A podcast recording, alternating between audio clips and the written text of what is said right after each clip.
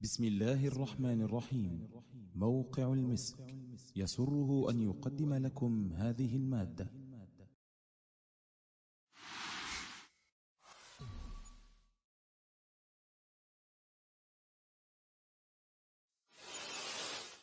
بسم الله والصلاة والسلام على رسول الله وعلى آله وصحبه وله. اللهم اغفر لنا ولشيخنا وللحاضرين. يقول يقول شيخنا في كتابه الخلاصة في أصول الفقه. المبحث الأول تعريف أصول الفقه وأهميته وأهميته وموضوعه واستمداده. قال حفظه الله المسألة الأولى تعريف أصول الفقه طرق الفقه الإجمالية وكيفية الاستفادة منها وحال المستفيد. قال طرق الفقه أي مجموع الطرق التي توصل إلى إدراك الأحكام الشرعية العملية من أدلتها التفصيلية أي الدليل الكلي مثل الأمر للوجوب الإجمالية ليخرج طرق الفقه التفصيلية مثل قوله تعالى واركعوا مع الراكعين دليل على وجوب صلاة الجماعة. فبحث الأصولي لا يتعلق بآية من القرآن بخصوصها كيف تدل على ما دلت عليه من الأحكام ولا حديث بعينه وإنما يبحث في حجية الكتاب والسنة والقياس وهكذا فهو يبحث بما توصف به من قوة أو ضعف أو نسخ وعدمه وفي شروطها وترتيبها وكيفية الجمع بينها عند التعارض طيب أوكي. إن الحمد لله نحمده ونستعينه ونستغفره ونعوذ بالله من شرور أنفسنا ومن سيئات أعمالنا. من يهده الله فلا مضل له ومن يضلل فلا هادي له. وأشهد أن لا إله إلا الله وحده لا شريك له وأشهد أن محمدا عبده ورسوله. اللهم صل وسلم وبارك على نبينا محمد وعلى آله وأصحابه. ومن تبعهم بإحسان إلى يوم الدين. وبعد لحظات مباركة وأوقات سعيدة نقضيها في مدارسة أحد فنون علوم الشريعة علم أصول الفقه. فنسأل الله سبحانه وتعالى بمنه وكرمه التوفيق والسداد. وقبل أن نشرع وبعد حمد الله عز وجل وشكره الذي من علينا بمثل هذه المجالس نشكر الإخوة القائمين على ترتيب مثل هذه الدروس والمجالس العلمية التي يستفيد منها إخوانهم ما ينفعهم في دينهم ودنياهم.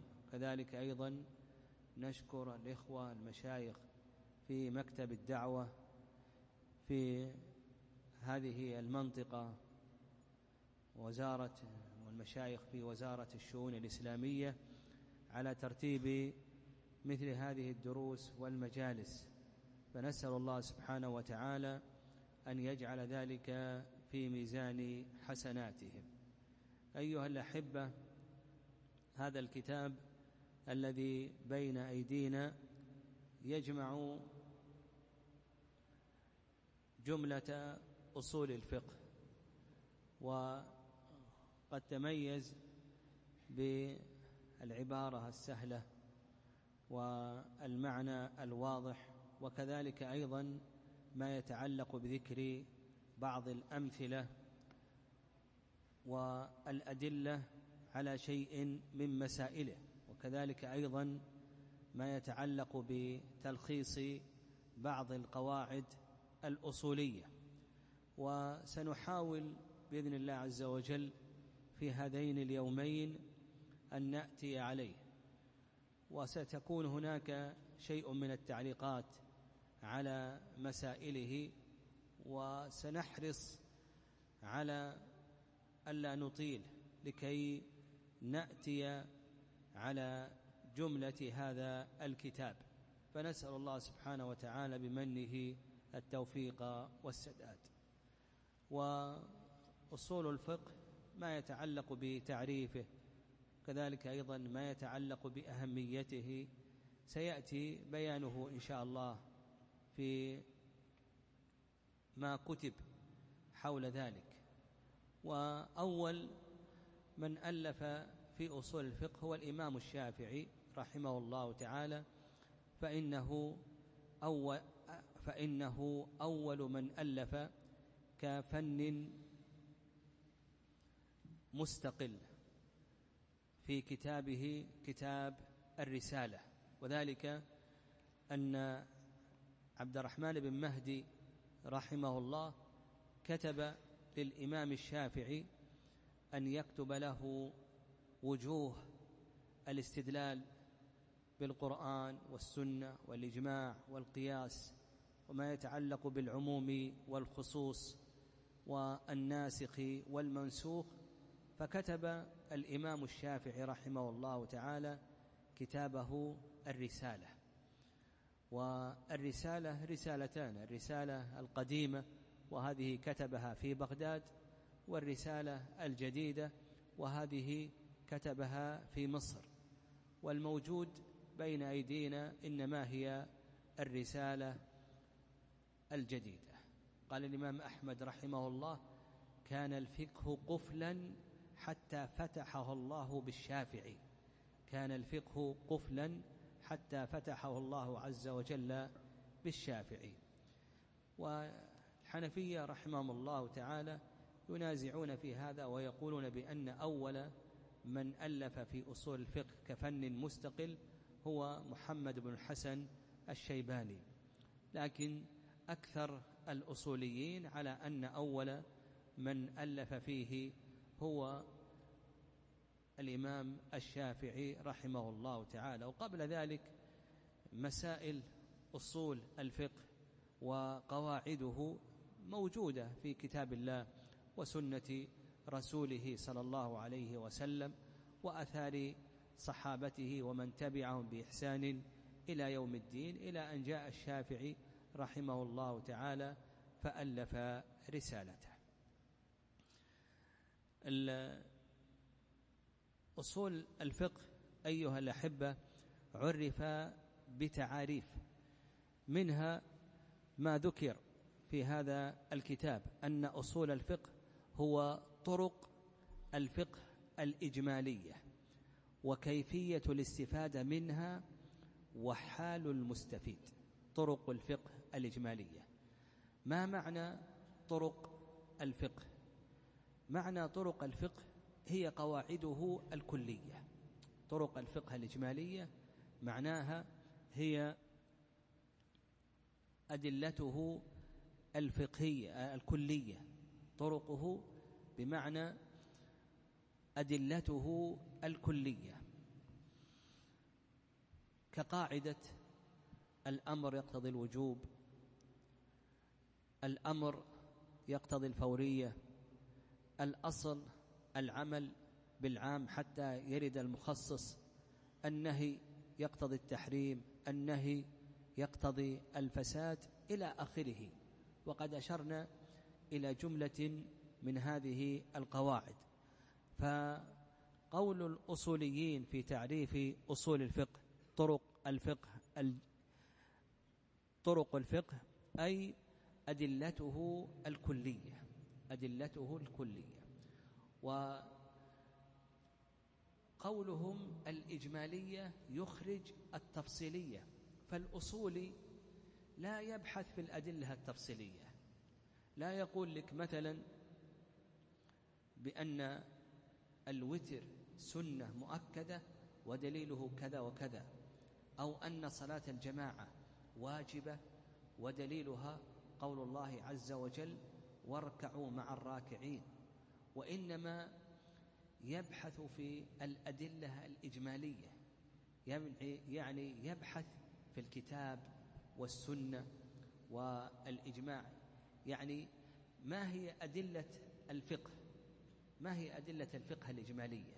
ما هي الأدلة المتفق عليها؟ ما هي الأدلة المختلف فيها؟ وما هي الأدلة التي تكون حجة؟ مثلا القرآن بحث الأصول الأصول لا يبحث بآية بعينها كيف تدل عليه من الأحكام؟ أو بحديث بعينه كيف يدل عليه من الأحكام؟ لا الأصول يبحث كيف يستدل بالقرآن. متى يكون القرآن حجة؟ يعني مثلا القراءة المتواترة حجة القراءة الشاذة هل هي حجة أو ليست حجة؟ القراءة الباطلة ليست حجة. مثلا أحاديث النبي صلى الله عليه وسلم أفعال النبي صلى الله عليه وسلم متى يكون فعل النبي صلى الله عليه وسلم حجة؟ ومتى لا يكون حجة؟ وأقسام أفعال النبي صلى الله عليه وسلم وأيضا أقوال النبي صلى الله عليه وسلم القول المتواتر القول الأحاد إلى آخره. هل خبر الأحاد حجة أو ليس حجة؟ هل يفيد العلم أو لا يفيد العلم؟ إلى آخره. هذا هو بحث الأصولي مثلا الإجماعات الإجماعات أنواع. ما هو الإجماع؟ الذي يكون حجة وما هو الإجماع الذي لا يكون حجة؟ هل إجماع أهل المدينة حجة؟ هل إجماع الخلفاء الأربعة حجة؟ إلى آخره. قول الصحابي متى يكون حجة ومتى لا يكون حجة؟ فهذا هو بحث الأصول.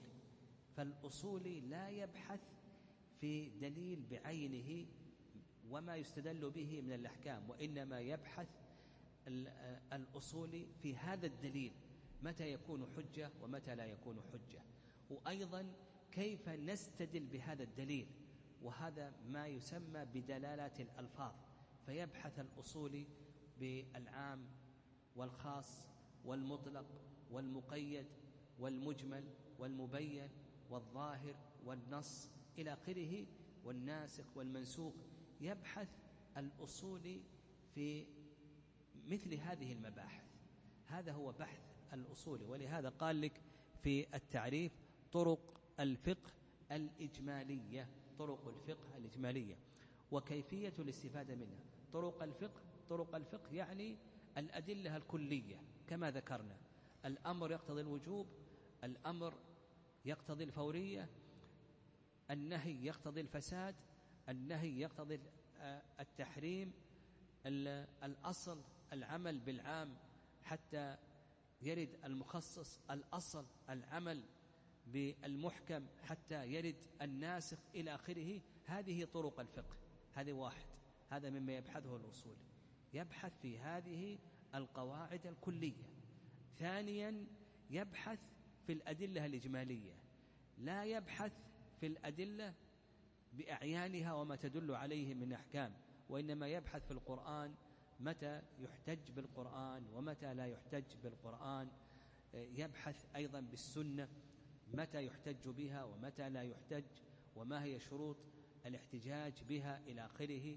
وقل مثل ذلك أيضا في الإجماعات وقل مثل ذلك أيضا في القياسات وقل مثل ذلك أيضا في بقية الأدلة المختلف فيها. ثالثا قال لك وكيفية الاستفادة منها. يعني كيفية الاستفادة من الإدل من الأدلة الإجمالية. وهذا يعني البحث بدلالات الألفاظ. فالأصول يتعامل مع ألفاظ القرآن ويتعامل مع ألفاظ السنة. هذا اللفظ ما هو؟ هل هو عام؟ هل هو آآ آه، آآ آه، نعم. هل هو عام؟ هل هو خاص؟ هل هو مطلق؟ هل هو مقيد؟ هل هو مجمل؟ هل هو مبين؟ هل هو ظاهر هل هو مؤول هل هو نص إلى آخره. فالأصولي يبحث أيضا في دلالات الألفاظ. يعني أن تتعامل مع ألفاظ القرآن ولا تتعامل مع الأدلة الخاصة للأحكام الفرعية وإنما تتعامل مع ألفاظ القرآن وألفاظ السنة كيفية الاستفادة منها وحال المستفيد المستفيد المراد به آه، المجتهد والمقلد لأن المجتهد هو الذي يستفيد من ألفاظ القرآن وألفاظ السنة. فيبحث الأصوليون ما يتعلق بالاجتهاد وشروطه ومن هو المجتهد وهل يتجزأ الاجتهاد أو لا يتجزأ. وكذلك أيضا التقليد وضوابط التقليد إلى آخره وما يتعلق بالفتوى وشروط الفتوى حكم الفتوى إلى آخره. فيتلخص لنا أيها الأحبة أن موضوع أصول الفقه يشتمل على هذه الأمور. الأمر الأول ما يتعلق بالأدلة الكلية الأمر الثاني ما يتعلق بالأدلة الإجمالية الأمر الثالث ما يتعلق بدلالات الألفاظ الأمر الرابع ما يتعلق بأحكام المجتهد والمقلد وكذلك أيضا الفتوى. نعم.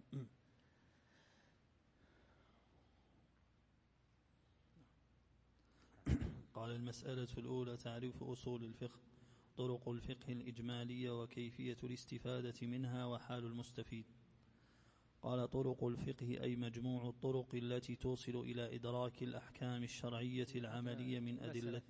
المسألة الثانية. المسألة الثانية. جزاكم الله خير. قال المسألة الثانية أهمية أصول الفقه. تظهر أهمية أصول الفقه بما يلي أن الفروع الفقهية محتاجة إلى دليلها التفصيلي والدليل التفصيلي يحتاج إلى الدليل الإجمالي. فمثلا صلاة الجماعة واجبة يحتاج إلى الدليل التفصيلي واركعوا مع الراكعين. والدليل التفصيلي يحتاج إلى الدليل الكلي الأمر يقتضي الوجوب. ثانيا. نعم, نعم. هنا يتبين ويظهر أهمية أصول الفقه لأن كل مسألة فرعية تحتاج إلى دليلها التفصيلي.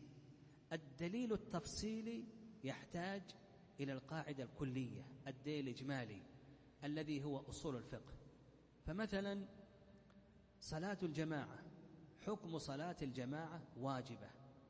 قولك صلاة الجماعة واجبة هذا يحتاج إلى الدليل التفصيلي ما هو الدليل على أن صلاة الجماعة واجبة؟ الدليل قول الله عز وجل واركعوا مع الراكعين ما هو الدليل؟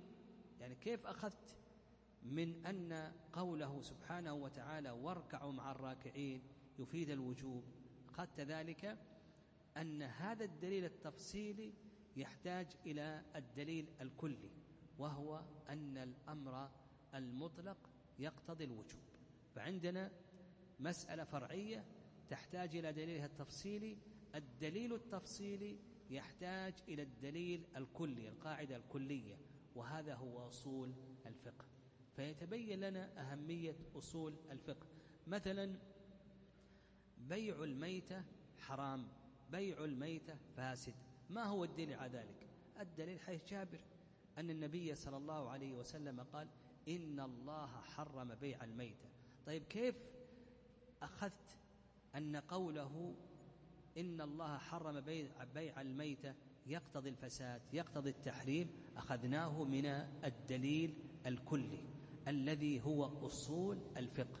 فعندنا قاعدة وهي أن النهي إذا عاد إلى ذات المنهي عنه أو إلى شرطه على وجه يختص فإنه يقتضي الفساد. فيتبين لك أهمية أصول الفقه وأن المسائل الفقهية تحتاج إلى أدلتها التفصيلية والأدلة التفصيلية تحتاج إلى الأدلة الإجمالية والقواعد الكلية التي هي أصول الفقه. نعم. قال حفظه الله ضبط أصول الاستدلال وذلك ببيان الأدلة الصحيحة من غيرها والدعوة إلى اتباع الدليل. نعم هذا أيضا من أهمية أصول الفقه. يعني بيان الأدلة الصحيحة. ما هي الأدلة الصحيحة أو لا؟ وكما أسلفنا مثلا أفعال النبي صلى الله عليه وسلم. منها ما, يستطيع ما يصح أن يستدل به ومنها ما لا يصح أن يستدل به. ففي أصول الفقه يتبين لك ما هو الدليل الصحيح الذي تستدل به وما هو الدليل الذي لا يصح لك أن تستدل به. فمثلا من أفعال النبي صلى الله عليه وسلم ما هو مختص به هو خاص بالنبي عليه الصلاة والسلام. مثلا كتزوج النبي صلى الله عليه وسلم أكثر من أربع فهل يصح أن تستدل بهذا؟ على أنه يجوز أن تتزوج بأكثر من أربع؟ يقول هذا لا يصح لأن الأصول بين لك ما يتعلق بأفعال النبي صلى الله عليه وسلم وما هي الأفعال التي يصح أن تستدل بها والأفعال التي لا يستطيع. فالأصول يبين لك أو علم أصول الفقه يبين لك الأدلة الصحيحة ويدعوك إلى الأخذ بالأدلة الصحيحة دون غيرها. مثلا هل يصح أن تستدل بالقراءة الباطلة أو لا يصح أن تستدل بها؟ كما سيأتينا إن شاء الله. هل يصح أن تستدل بالقراءة الشاذة؟ هل القراءة الشاذة حجة أو ليست حجة إلى آخره؟ هذا هو هو بحث الأصولي. نعم. قال تيسير الاجتهاد وإعطاء الحوادث الجديدة ما يناسبها من الأحكام. نعم. أيضا من أهمية علم أصول الفقه تيسير عملية الاجتهاد وأيضا إعطاء المسائل المستجدة والنوازل ما يناسبها من الأحكام وذلك عن طريق معرفة هذه القواعد القواعد الكلية. هذه القواعد الكلية معرفتها هي سبيل إلى معرفة أحكام النوازل وما يستجد من مسائل. قال رابعا بيان ضوابط الفتوى وشروط المفتي وآدابه ومعرفة الأسباب التي أدت إلى وقوع الخلاف. نعم هذا مما يبحثه الأصوليون. كما تقدم لنا حال المستفيد أن المراد بالمستفيد هو المجتهد والمقلد. ففي أصول الفقه يبحث الاجتهاد وحكم الاجتهاد وشروط الاجتهاد وما يتعلق بتجزؤ آه، الاجتهاد إلى آخره. وكذلك أيضا من من من الذي له حق الاجتهاد ومن الذي ليس له حق الاجتهاد. وكذلك أيضا ما يتعلق بالتقليد وشروط آه، التقليد. وهل للمجتهد أن يقلد أو ليس له أن يقلد وضوابط التقليد إلى آخره. هذا كله يبحثه الأصوليون ويبحثون أيضا ما يتعلق بأسباب خلاف العلماء. نعم. قال المصنف حفظه الله المسألة الثالثة موضوع أصول الفقه الأدلة الإجمالية وحال المستفيد. المسألة الرابعة يستمد أصول الفقه من القرآن الكريم والسنة النبوية واللغة العربية. نعم. قال المبحث الثاني الحكم الشرعي. الحكم في اللغة المنع وفي الاصطلاح خطاب الله المتعلق بأفعال المكلفين بالاقتضاء أو التخيير أو الوضع. قال خطاب الله أي أمره ونهيه وخبره وما تفرع عنه من, من وعد ووعيد. قال المتعلق بأفعال المكلفين أي الذي له ارتباط بأفعال المكلفين من جهة كونها مطلوبة أو غير مطلوبة ومن جهة صحتها وفسادها وما يتبع ذلك. قال وأفعال المكلفين أي كل ما يدخل تحت قدرة المكلف فتشمل الأعمال القلبية وأعمال الجوارح. قال بالاقتضاء أي المراد بالاقتضاء الطلب سواء أكان طلب فعل أم طلب ترك. قال أو تخيير أي الإباحة وهو تخيير الشارع بين الفعل والترك. قال أو الوضع والمراد بالوضع جعل الشيء سببا أو شرطا أو مانعا أو وصفه, أو وصفه بالصحة أو الفساد أو البطلان. نعم. الحكم الشرعي هو خطاب الله المتعلق بأفعال المكلفين بالاقتضاء أو التخيير أو الوضع. خطاب الله المتعلق بأفعال المكلفين بالاقتضاء أو التخيير أو الوضع. خطاب الله أي أمره ونهيه وخبره ووعده ووعيده. خطاب الله المتعلق بأفعال المكلفين المتعلق بأفعال المكلفين أي الداخل تحت قدرة المكلفين. وهذا يشمل أعمال الجوارح وأعمال القلوب. أعمال الجوارح هذه ظاهرة وأعمال القلوب خوفه يعني حركات القلوب كالخوف والمحبة والرجاء والإنابة. وغير ذلك. خطاب الله المتعلق بأفعال المكلفين يعني الداخل تحت قدرة المكلفين. من جهة كونها مطلوبة أو غير مطلوبة ومن جهة صحتها ومن جهة فسادها. خطاب الله المتعلق بأفعال المكلفين بالاقتضاء يعني الاقتضاء الطلب. والطلب قد يكون طلب فعل قد يكون طلب ترك. طلب الفعل قد يكون جازما وهذا هو الواجب وقد يكون غير جازم وهذا هو المستحب. طلب الترك قد يكون جازما وهذا هو المحرم وقد يكون غير جازم وهذا هو المكروه.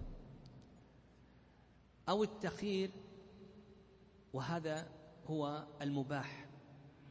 تخيير يعني ما تساوى طرفاه وهذا هو المباح.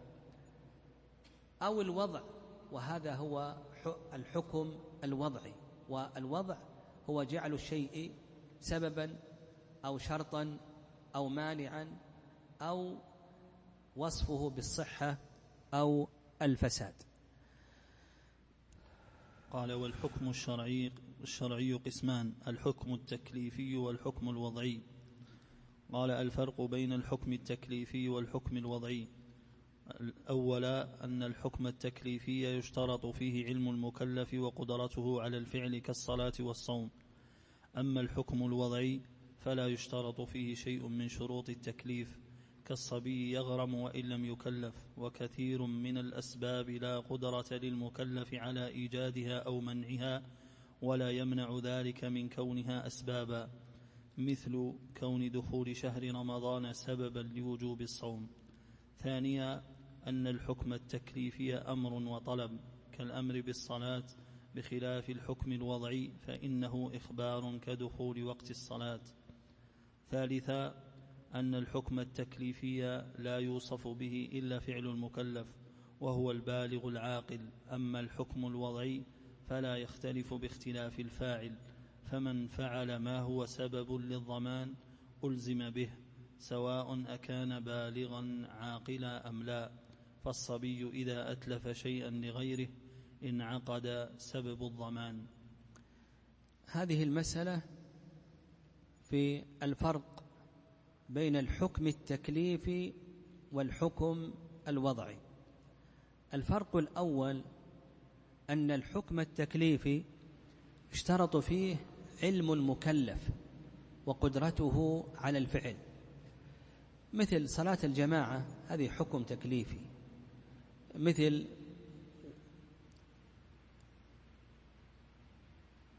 زكاة الفطر هذه حكم تكليفي.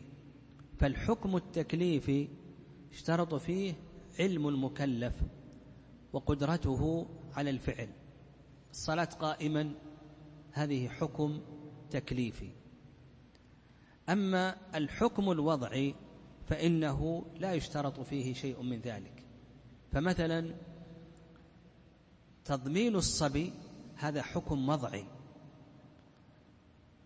الصبي إذا أتلف مالا أو جنى جناية فإنه يلزم بقيمة المتلف وأرش الجناية. هذا من باب الحكم الوضعي. المجنون. إذا أتلف فإنه يلزم بالضمان. لا لا يشترط فيه التكليف. التكليف هو البلوغ والعقل. فالمجنون لا يشترط فيه التكليف من جهة الحكم الوضعي.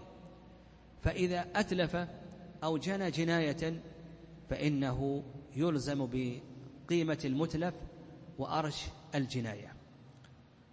فالفرق الأول أن الحكم التكليفي يشترط فيه علم المكلف وقدرته على الفعل. أما الحكم الوضعي فإنه لا يشترط فيه شيء من ذلك كما تقدم. الفرق الثاني وكذلك أيضا قال لك وكثير من الأسباب لا قدرة للمكلف على إيجادها أو منعها ولا يمنع ذلك من كونها أسبابا. مثل دخول شهر رمضان هذا سبب فهو من باب الأحكام الوضعية. كذلك أيضا دخول وقت صلاة الظهر الزوال هذا سبب وهو من باب الأحكام الوضعية. الفرق الثاني أن الحكم التكليفي طلب وأما الحكم الوضعي فهو إخبار. فالحكم التكليفي طلب طلب وإنشاء إنشاء وطلب. بخلاف الحكم الوضعي فهو خبر. فالأمر بصلاة الجماعة هذا طلب. وال ودخول وقت الصلاة هذا ليس طلبا وإنما هو خبر. دخول شهر رمضان هذا من باب الإخبار وليس من باب الطلب. قال الثالث أن الحكم التكليفي لا يوصف به إلا فعل المكلف وهو البالغ العاقل. وأما الحكم الوضعي فهو يوصف به المكلف وغير المكلف. فالحكم التكليفي مثلا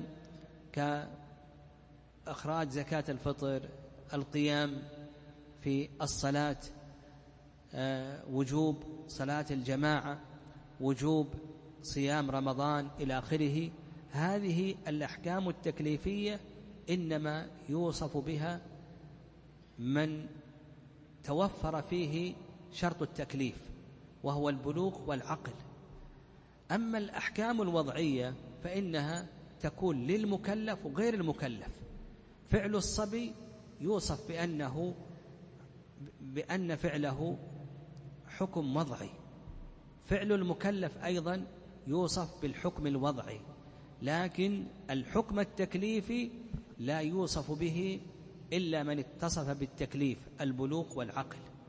أما من لم يتصف بالتكليف فإنما يوصف بالحكم الوضعي. كما ذكرنا أن الصبي يضمن وهذا من باب الحكم الوضعي والمجنون يضمن وهذا من باب الحكم الوضعي. فالخلاصة في الفرق بين الحكم التكليفي والحكم الوضعي من ثلاثة وجوه. الوجه الأول أن الحكم التكليفي يشترط فيه علم المكلف وقدرته أما الحكم الوضعي فلا يشترط فيه ذلك. الثاني أن الحكم التكليفي طلب وأمر بخلاف الحكم الوضعي فإنه خبر. الفرق الثالث أن الحكم التكليفي لا يوصف به إلا من اتصف بالتكليف البلوغ والعقل. أما الحكم الوضعي فإنه يوصف به المكلف وغير المكلف كما تقدم آه، مثال ذلك. نعم.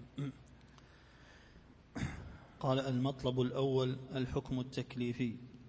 قال الحكم التكليفي هو خطاب الله المتعلق بأفعال المكلفين بالاقتضاء أي الإيجاب والندب والتحريم والكراهة.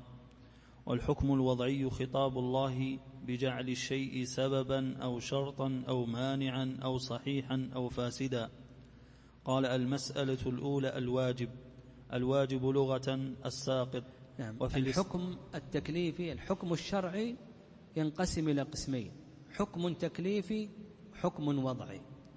تقدم لنا تعريف الحكم الشرعي وأنه خطاب الله المتعلق بأفعال المكلفين بالاقتضاء أو التخيير أو الوضع.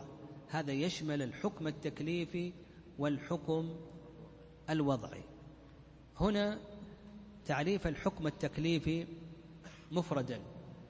فهو خطاب الله المتعلق بأفعال المكلفين يعني الذي له ارتباط بأفعال المكلفين من جهة كونها مطلوبة وغير مطلوبة ومن جهة كونها صحيحة أو غير صحيحة. خطاب الله المتعلق بأفعال المكلفين بالاقتضاء الاقتضاء أي الطلب والطلب كما تقدم قد يكون طلب فعل وقد يكون طلب ترك. فإن كان طلب فعل فقد يكون لازما وهذا هو الواجب وقد يكون غير لازم وهذا هو المستحب. طلب الترك قد يكون طلب طلبا لازما وهذا هو المحرم وقد يكون طلبا غير لازم وهذا هو المكروه. التخيير هذا هو المباح. نعم. قال المسألة الأولى الواجب. الواجب لغة الساقط وفي الاصطلاح ما طلب الشرع فعله طلبا جازما. قال أقسام الواجب. أولا تقسيم الواجب بالنظر إلى ذاته. قال المعين ومنه المعين هو ما طلبه الشارع بعينه من غير تخيير, بينه وبين غيره مثل الصلاة. ثانيا المخير هو الواجب الذي خير فيه المكلف بين أشياء محصورة مثل كفارة اليمين. القسم الثاني تقسيم الواجب بالنظر إلى وقته. أول المؤقت هو ما حدد له الشرع وقتا معينا له بداية ونهاية مثل الصلاة. ثانيا غير المؤقت مثل المطلق عن التوقيت. الذي لم يحدد لم يحدد له الشرع وقتا معينا كالعتق والإطعام في الكفارة. والمؤقت ينقسم قسمين مضيق وموسع. فالواجب المضيق هو الذي حدد له الشرع وقتا لا يتسع لغيره من جنسه معه كالصيام. والموسع عكس المضيق فهو الذي حدد له الشرع وقتا يتسع له ولغيره من جنسه معه كالصلاة. ثالثا تقسيم نعم، الواجب يعني هذه التعريف والتقاسيم واضحة جدا. فالواجب تقدم تعريفه والواجب أيضا ينقسم إلى معين إلى واجب معين وإلى واجب مخير. والواجب المعين هو ما طلب الشارع فعله دون أن يكون هناك تخيير بينه وبين غيره.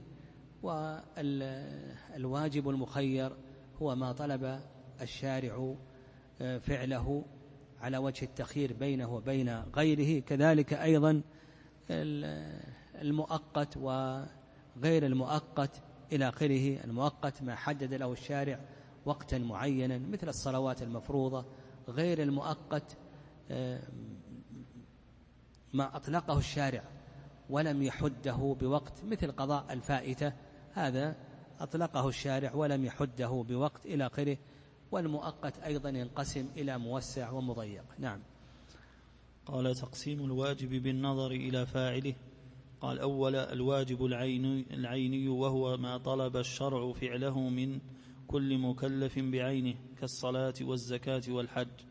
ثانيا الواجب الكفائي وهو ما طلب الشرع حصوله من غير تعيين فاعله كالجهاد. والواجب الكفائي واجب على الجميع ويسقط الإثم بفعل البعض ولهم الأجر وإلا أثم الكل. قال قاعدة ما لا يتم الواجب إلا به فهو واجب مثل غسل جميع الثوب الذي يعني أصاب. الفرق بين الواجب المعين والواجب الكفائي أن ما لوحظ فيه العامل فهو واجب معين وما لوحظ فيه العمل فهو واجب كفائي ما لوحظ فيه العامل يعني طلب طلب من كل أحد فهذا واجب معين. وما لوحظ فيه العمل يعني طلب تحصيل العمل فهذا واجب كفائي وأمثلة الواجب الكفائي تجد كثير منها في باب صلاة أو كتاب الجنائز فعيادة المريض تجب على الكفاية تغسيل الميت واجب كفائي تكفين الميت واجب كفائي الصلاة على الميت واجب كفائي حمل الميت واجب كفائي إلى آخره. فما طلب تحصيله بغض النظر عن فاعله فهذا واجب كفائي. وما طلب تحصيله من كل أحد بعينه هذا واجب عيني.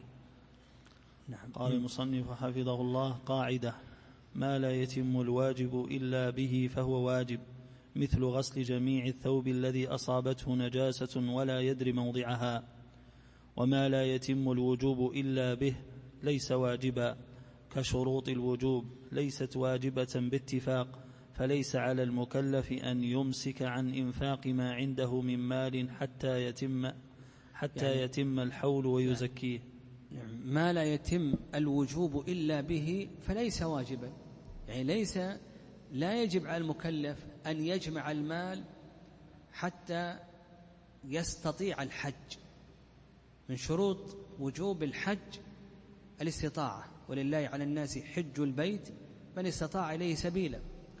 فلا يجب عليك إنك تجمع المال حتى تكون مستطيعا فتحج. لأن هذا من باب ما لا يتم الوجوب إلا به فليس واجبا. لأن الحج حتى الآن لم يجب عليك. فلا نقول يجب عليك إنك تجمع المال حتى يجب عليك الحج أو تجمع المال حتى تجد النصاب فتجب عليك الزكاة. لأن هذا من باب ما لا يتم الوجوب إلا به فليس واجبا. لكن ما لا يتم الواجب إلا به فهو واجب. يعني الفرق بين هذه القاعدة والقاعدة التي قبلها ما لا يتم الواجب هو الآن وجب الآن ترتب في ذمتك. فلا بد أن تأتي به. وإذا ترتب عليه أمر آخر يعني لا يمكن تأتي به إلا بهذا الأمر الآخر فإنه يكون واجبا. فمثلا الوضوء واجب.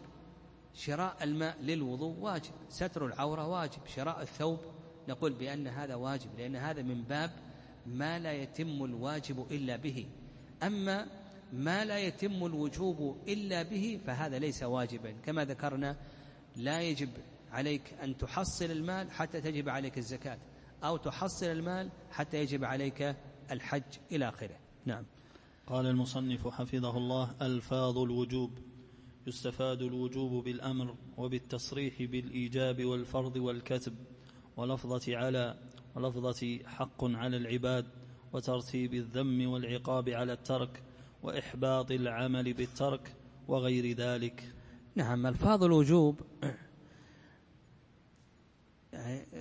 تستفاد ألفاظ الوجوب من صيغ الأصوليون يذكرون صيغا لألفاظ الوجوب. وهذه الفضوء الوجوب. إما أن تكون دلالتها شرعية وإما أن تكون دلالتها لغوية. فقد تكون الدلالة شرعية وقد تكون الدلالة لغوية. فقال لك يستفاد الوجوب بالأمر بالأمر به. إن الله يأمركم أن تؤدوا الأمانات إلى أهلها. هذا أمر. فالأمر يفيد الوجوب. بالتصريح بالإيجاب. غسل يوم الجمعة واجب على كل محتلم. غسل يوم الجمعة واجب على كل محتلم. والفرض حديث ابن عمر قال فرض رسول الله صلى الله عليه وسلم زكاة الفطر من رمضان صاعا من شعير أو صاعا من تمر. والكتب كتب عليكم الصيام كما كتب على الذين من قبلكم. ولفظة على ولفظة حق. وللمطلقات متاع بالمعروف حقا على المتقين. وقال ترتيب الذم والعقاب على الترك وإحباط العمل إلى آخره. ومن ذلك قول النبي صلى الله عليه وسلم من ترك صلاة العصر فقد حبط عمله. وأيضا ترتيب العقاب لقد هممت أن آمر بالصلاة فتقام ثم أمر رجلا فيصلي بالناس ثم تخلف إلى رجال لا يشهدون الصلاة فأحرق عليهم بيوتهم بالنار مما يدل على وجوب الجماعة. نعم. قال المصنف حفظه الله الزيادة على الواجب نوعان الأول إذا كانت متميزة فليست واجبة مثل أن يدفع في زكاة الفطر صاعين الثاني إن كانت غير متميزة مثل الزيادة في الركوع والسجود على القدر الذي تحصل به الطمأنينة فقيل يثاب عليه ثواب فرض وقيل ثواب نافلة. نعم. الزيادة على الواجب إذا كانت مأذونا بها. الزيادة على الواجب لأن الزيادة على الواجب تنقسم إلى قسمين. القسم الأول ألا يكون مأذونا بها كما لو صلى العصر خمس ركعات. فهذه الزيادة مردودة لكن المقصود هنا إذا دل عليها الدليل وأذن فيها الشارع. فإنها لا تخلو من أمرين. الأمر الأول أن تكون متميزة كما لو أخرج في زكاة الفطر صاعين. نعم. فهذه فالزيادة الآن الصاع الثاني هذا ليس واجبا وإنما هو نفل. فإذا أخرج بدلا من أن يخرج صاعا أخرج صاعين. وقصد بذلك قصد بذلك زيادة الصدقة. يعني ولم يعتقد أن الواجب عليه هو صاعان وأن السنة جاءت بصاعين وإنما أراد بذلك زيادة الخير والصدقة دون أن يكون هناك اعتقاد بأن هذا واجب أو أن السنة وردت بصاعين في زكاة الفطر. فنقول بأن الز...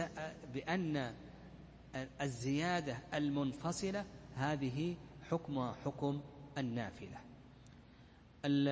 الأمر الثاني أن تكون الزيادة غير متصلة. فمثلا الركوع الواجب فيه الطمأنينة. وش قدر الطمأنينة؟ الطمانينة قدر الطمأنينة هي الطمأنينة هي قدر الذكر الواجب. يعني يجب عليه أنه يركع وأن يسجد بقدر الذكر الواجب. فإذا إذا زاد على ذلك فهذه الزيادة هل توصف بالوجوب أو توصف بالاستحباب؟ قولان للعلماء رحمهم الله وابن رجب رحمه الله في كتابه القواعد تطرق لهذه المسألة. وذكر ما يترتب على هذا ذكر فوائد يترتب على هذا الخلاف. هل توصف الزيادة بالوجوب أو توصف بالاستحباب؟ من فوائد الخلاف إذا قلنا بأنها واجبة يعني إذا قلنا بأنها واجبة فإنها ال ال إذا قلنا بأنها واجبة فإنه يثاب عليها ثواب الواجب. وإذا قلنا بأنها مستحبة فإنه يثاب عليها ثواب الاستحباب. نعم. إلى آخره. قد ذكر ابن رجب رحمه الله تعالى جملة من الفوائد المترتبة على هذا الخلاف. نعم. قال المصنف حفظه الله التفاضل بين الواجبات. قال الأفضل في كل وقت وحال ايثار مرضات الله في ذلك الوقت والحال. فأفضل العبادات في وقت الجهاد مثلا الجهاد وهكذا. نعم التفاضل بين الواجبات التفاضل بين العبادات.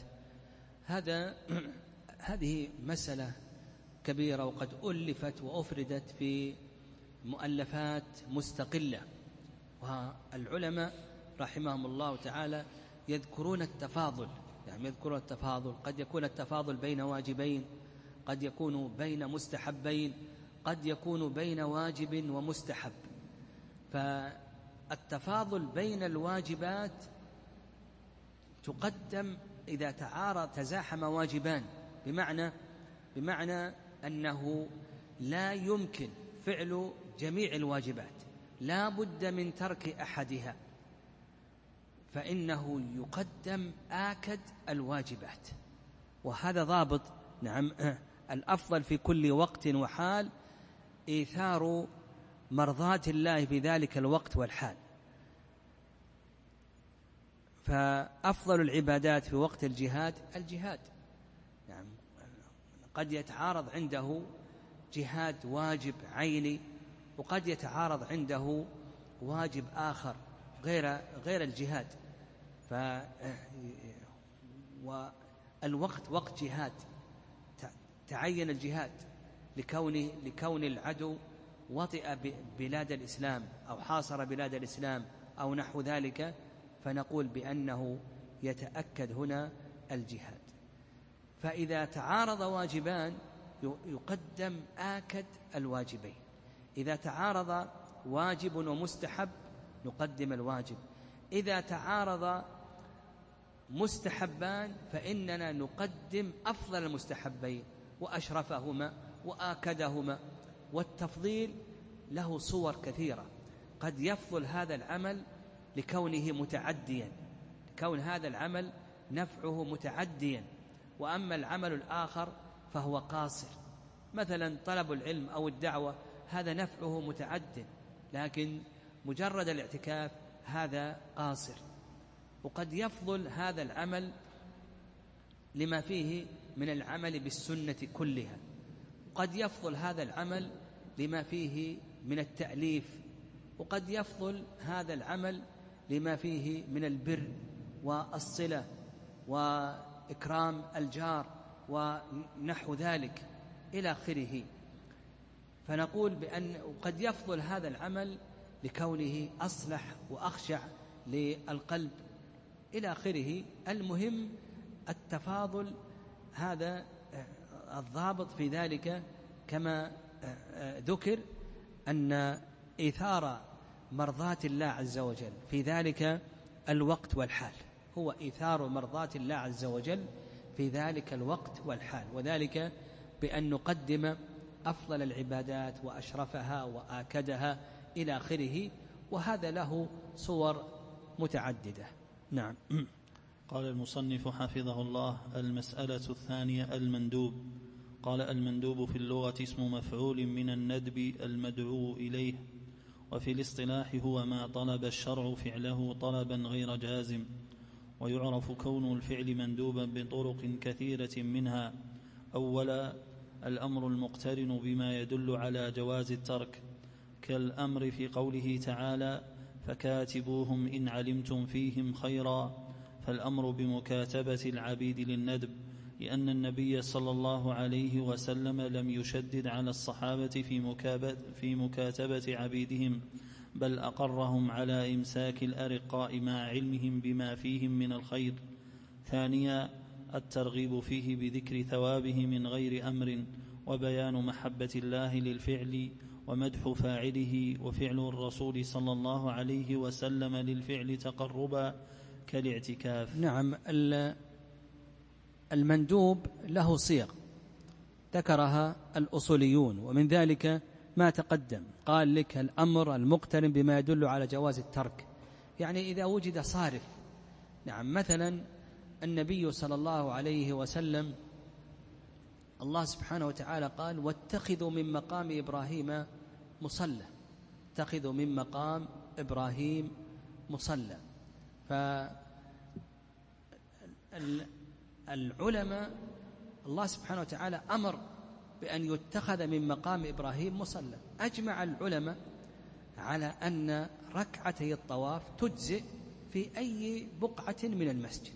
فهذا صارف يصرف الأمر من الوجوب إلى الندب. كذلك أيضا قال لك الترغيب بذكر ثوابه من غير أمر. مثلا النبي صلى الله عليه وسلم رغب في ذكر بعض الأعمال. صيام يوم وإفطار يوم. قال أفضل الصيام صيام يوم وإفطار يوم. وهذا صيام داود. وأفضل الصلاة صلاة الليل. وأفضل الصيام حديث أبي هريرة في مسلم. أفضل الصيام بعد رمضان شهر الله المحرم. قال وبيان محبة الله للفعل. كما في حديث ابن مسعود أن النبي صلى الله عليه وسلم قال إن الله جميل يحب الجمال. قال ومدح فاعله كما في حديث حفصة أن النبي صلى الله عليه وسلم قال نعم الرجل عبد الله لو كان يقوم من الليل قال وفعل الرسول صلى الله عليه وسلم الفعل تقربا كالاعتكاف نعم. قال المصنف حفظه الله ويسمى المندوب بالسنة والمستحب والرغيبة والنافلة والتطوع ونحو ذلك ولا يلزم بالشروع فيه إلا ما ورد به الاستثناء. نعم المؤلف يقول لك المندوب يسمى بالسنة والمستحب والرغيبة والنافلة والتطوع وهذا ما عليه جماهير الأصوليين خلافا للمالكية. المالكية يفرقون فالمالكية يقولون النافلة ما فعله النبي صلى الله عليه وسلم ولم يداوم عليه. النافلة ما فعله النبي صلى الله عليه وسلم ولم يداوم عليه. السنة ما فعله النبي صلى الله عليه وسلم وداوم عليه. السنة المؤكدة ما كثر ثوابه. السنة المؤكدة ما كثر ثوابه. الرغيبة ما فعله النبي صلى الله عليه أو ما رغب فيه. ما رغب فيه النبي صلى الله عليه وسلم ولم يفعله في جماعة كركعتي الفجر. الرغيبة ما فعله أو ما رغب فيه النبي صلى الله عليه وسلم ولم يفعله في جماعة. فالرغيبة عندهم دون السنة فوق النافلة دون السنة فوق النافلة. التطوع ما يشمل النافلة ويشمل المستحب إلى آخره. يعني, يعني كل ما كان زيادة على المكتوبة تطوع عندهم كل ما كان زيادة على المكتوبة فيشمل النافلة والسنة والرغيبة إلى آخره. نعم وقال ولا يلزم بالشروع إلا ما ورد به الاستثناء.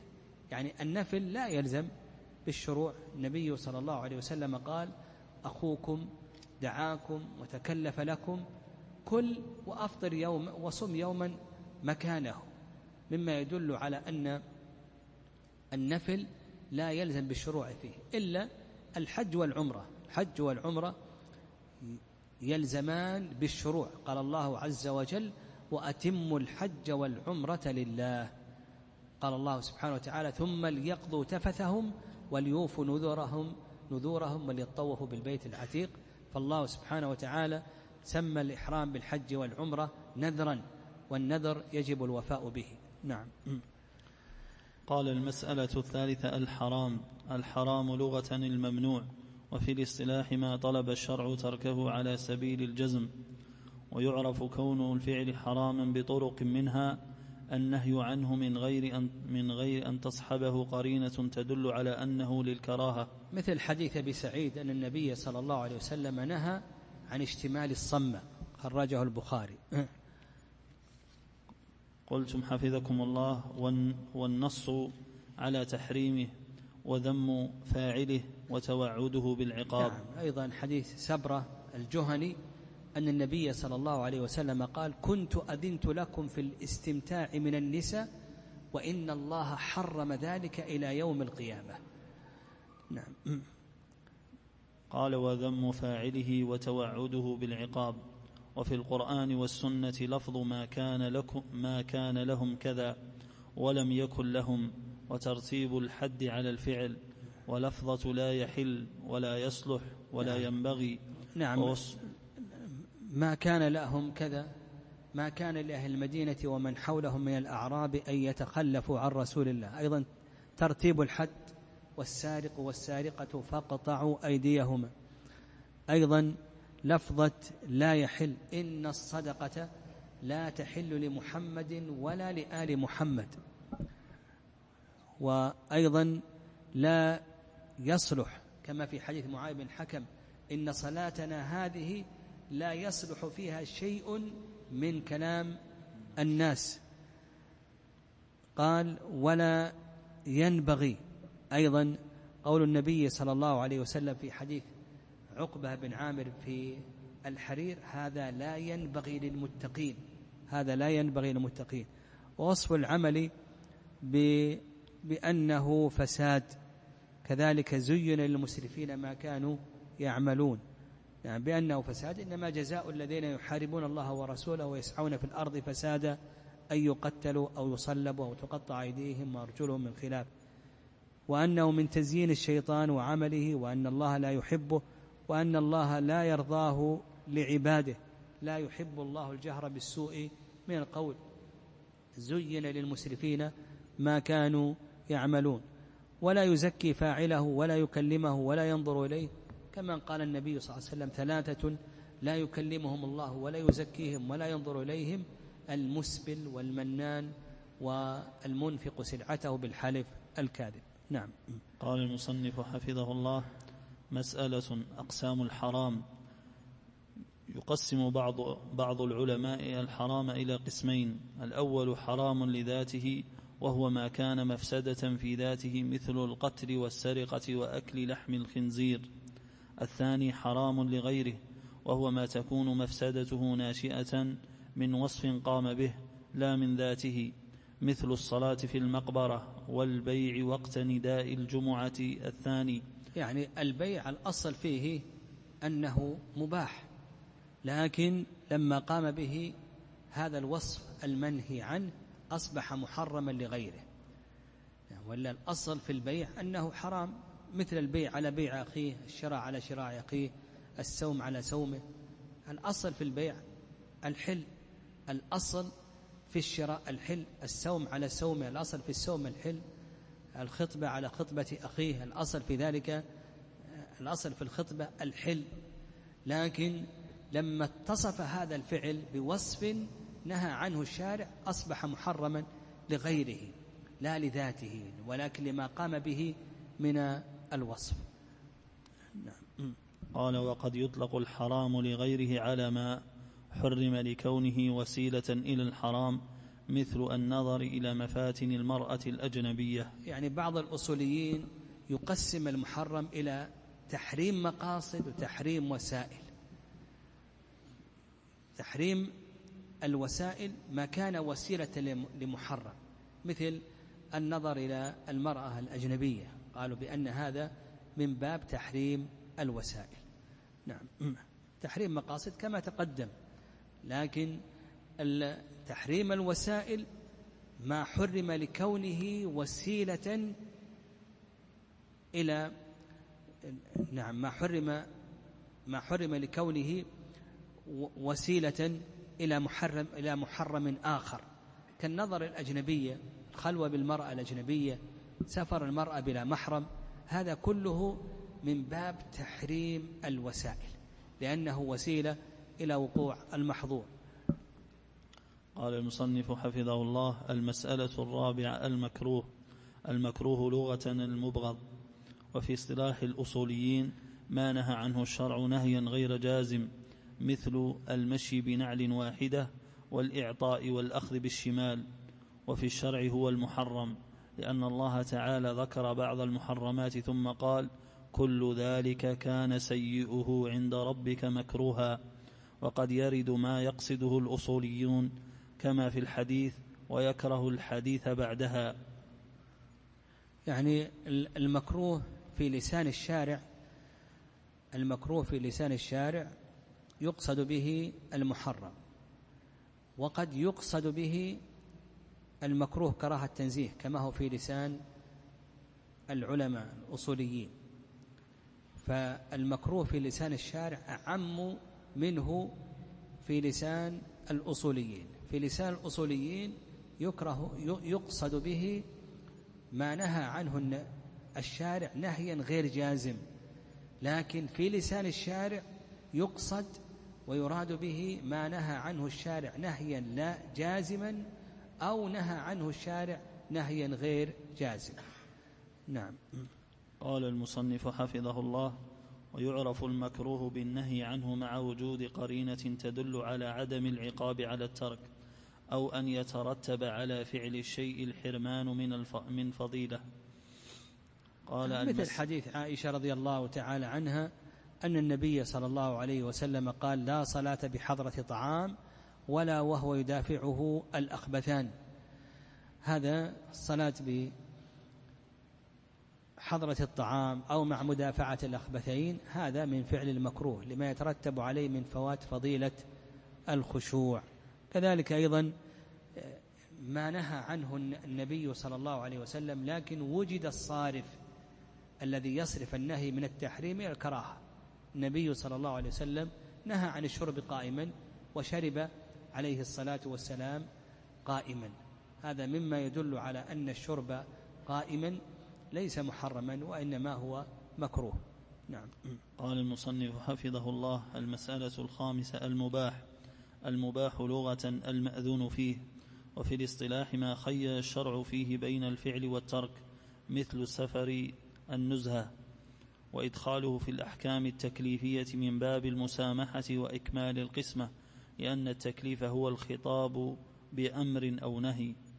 والإباحة تعرف بطرق منها النص على التخيير بين الفعل والترك ونفي الإثم والمؤاخذة نعم. والجناح. يعني صيغ الإباحة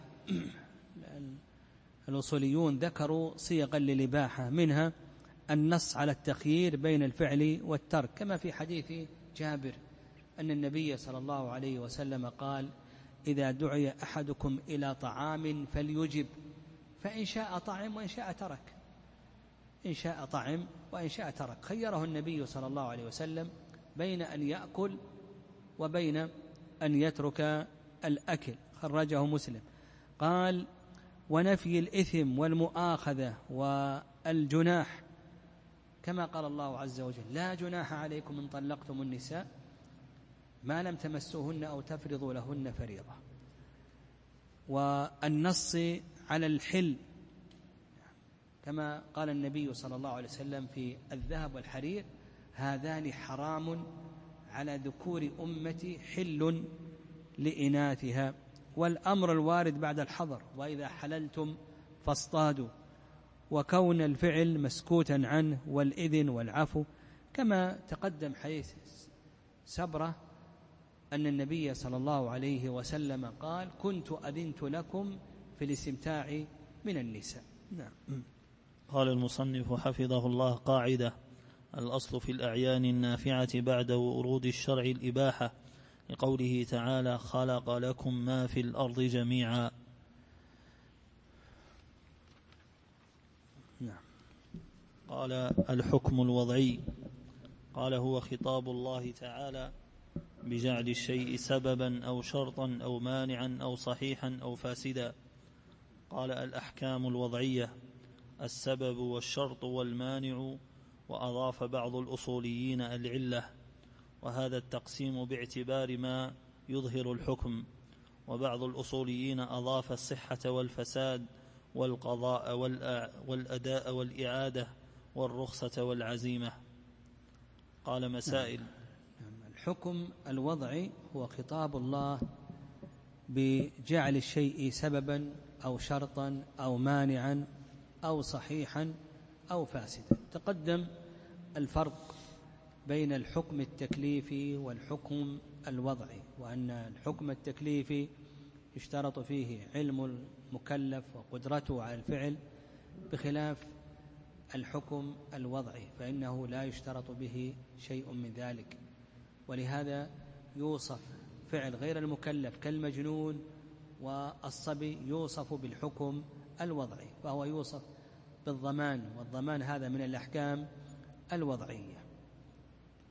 والفرق الثاني أن الحكم التكليفي طلب وأمر بخلاف الحكم الوضعي فإنه خبر.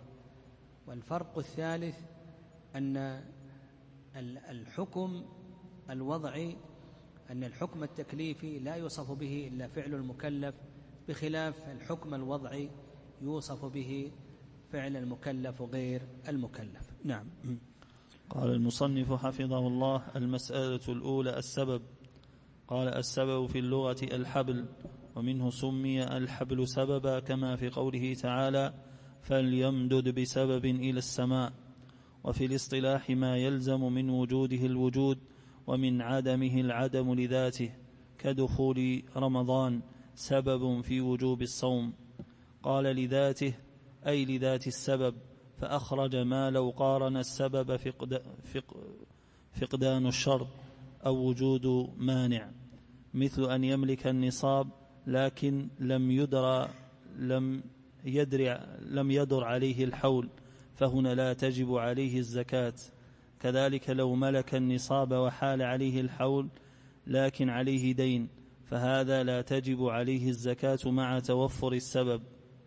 نعم السبب ما يلزم من وجوده الوجود ومن عدمه العدم لذاته. مثلا الزوال سبب يلزم من وجود الزوال وجوب صلاة الظهر ومن عدم الزوال عدم وجوب صلاة الظهر. لذاته أي لذات السبب؟ نعم لذاته أي لذات السبب. فقد يوجد السبب ولا يوجد الوجوب. قد يوجد السبب ولا يوجد الوجوب. لماذا؟ لانتفاء شرط أو وجود مانع. انتفاء شرط أو وجود مانع. وذكر المثال لذاته أي لذات السبب. فأخرج ما لو قارن السبب فقدان شرط أو وجود مانع. مثل أن يملك النصاب لكن لم يدر عليه الحول فهنا لا تجب الزكاة. ملك النصاب النصاب هذا السبب ملك النصاب هذا سبب لوجوب الزكاة. فيلزم من وجود السبب وجود الوجوب وهو وجوب الزكاة. لكن لذاته لذات السبب بمعنى أنه قد يقارن السبب انتفاء شرط فينتفي الوجوب أو وجود مانع فينتفي الوجوب. هنا إذا كان الحول حتى الآن لم يحل هنا انتفى الشرط فانتفى الوجوب. ليس لذات السبب وإنما لانتفاء الشرط. لم يجب هنا الزكاة وجبت لوجود ملك النصاب. لكن لم تجب ليس لذات السبب وإنما لانتفاء الشرط الذي هو حولان الحول أو لوجود المانع مثل الدين. فالدين كما هو مذهب الإمام أحمد رحمه الله مانع من وجوب الزكاة بقدره وعند الشافعي رحمه الله أنه لا أثر للدين على الزكاة. نعم. قال المصنف حفظه الله المسألة الثانية العلة. قال العلة في اللغة المرض أو ما اقتضى تغييرا في المحل. وفي الاصطلاح وصف ظاهر منضبط دل الدليل على كونه علة للحكم. ومثالها الإسكار علة لتحريم الخمر والطعم مع اتحاد الجنس علة لتحريم التفاضل في بيع البر بالبر والتمر بالتمر وما جرى مجراهما. نعم العلة كما سيأتينا في القياس فيما يتعلق في مباحث العلة أن العلة وصف ظاهر يعني ليست أمرا باطنا.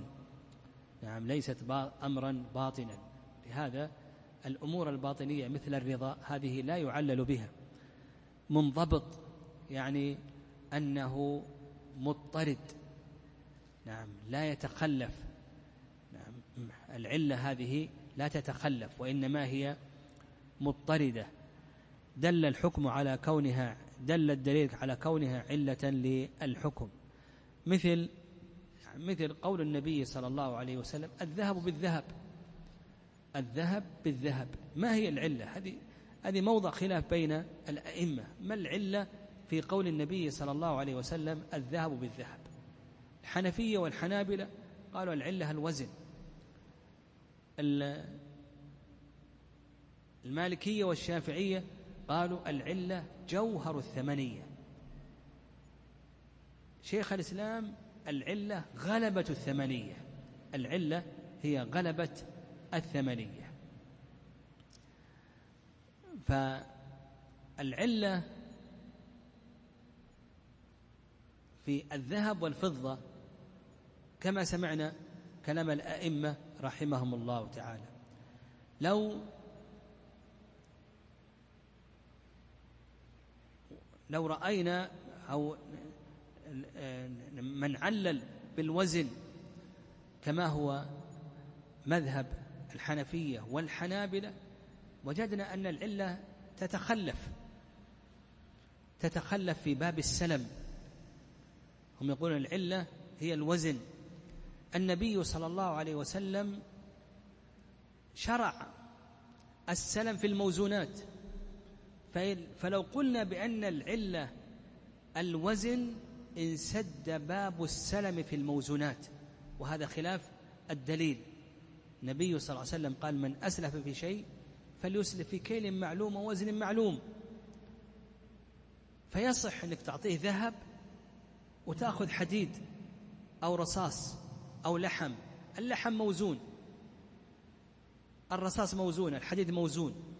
تقديم الثمن تأخير المثمن. هذا سلم. فإن قلنا العلة هي الوزن ما يصح أنك تعطيه ذهب وتقبض حديد بعد شهر. لأنه إذا اتحد الربويان اتحدا في العلة واختلفا في الجنس فإنه يجب التقابض. فعندما تبادل ذهبا بحديد إذا قلنا بأن العلة هي الوزن يجب أن يكون ذلك يدا بيد لقول النبي صلى الله عليه وسلم فإذا اختلفت هذه الأصناف فبيعوا كيف شئتم إذا كان يدا بيد. فينسد باب السلم في الموزونات.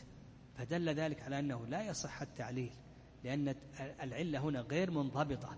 لكن إذا أخذنا بما ذهب إليه ابن تيمية وأكثر المتأخرين أن العلة هي غلبة الثمنية يعني ما كان ثمنا الأشياء العلة هنا منضبطة لا تتخلف. نعم. قال المصنف حفظه الله المسألة الثالثة الشرط وهو في اللغة التأثير أو العلامة وفي الاصطلاح وصف يلزم من عدمه عدم ما علق عليه ولا يلزم من وجوده وجود ولا يلزم من وجوده وجوده ولا عدمه. يلزم من عدمه عدم المشروط ولا يلزم من وجوده وجود المشروط.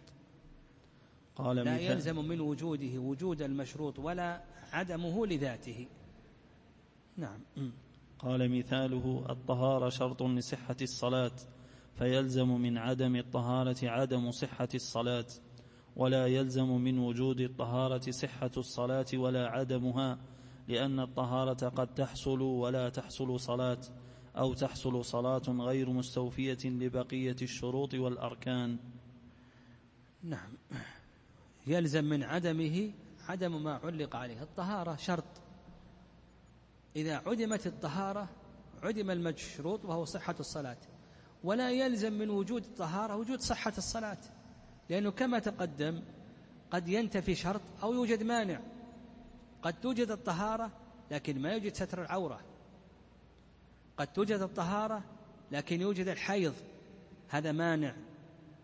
فلا يلزم من وجود الشرط وجود المشروط ولا عدمه لذاته لذات لذات الشرط.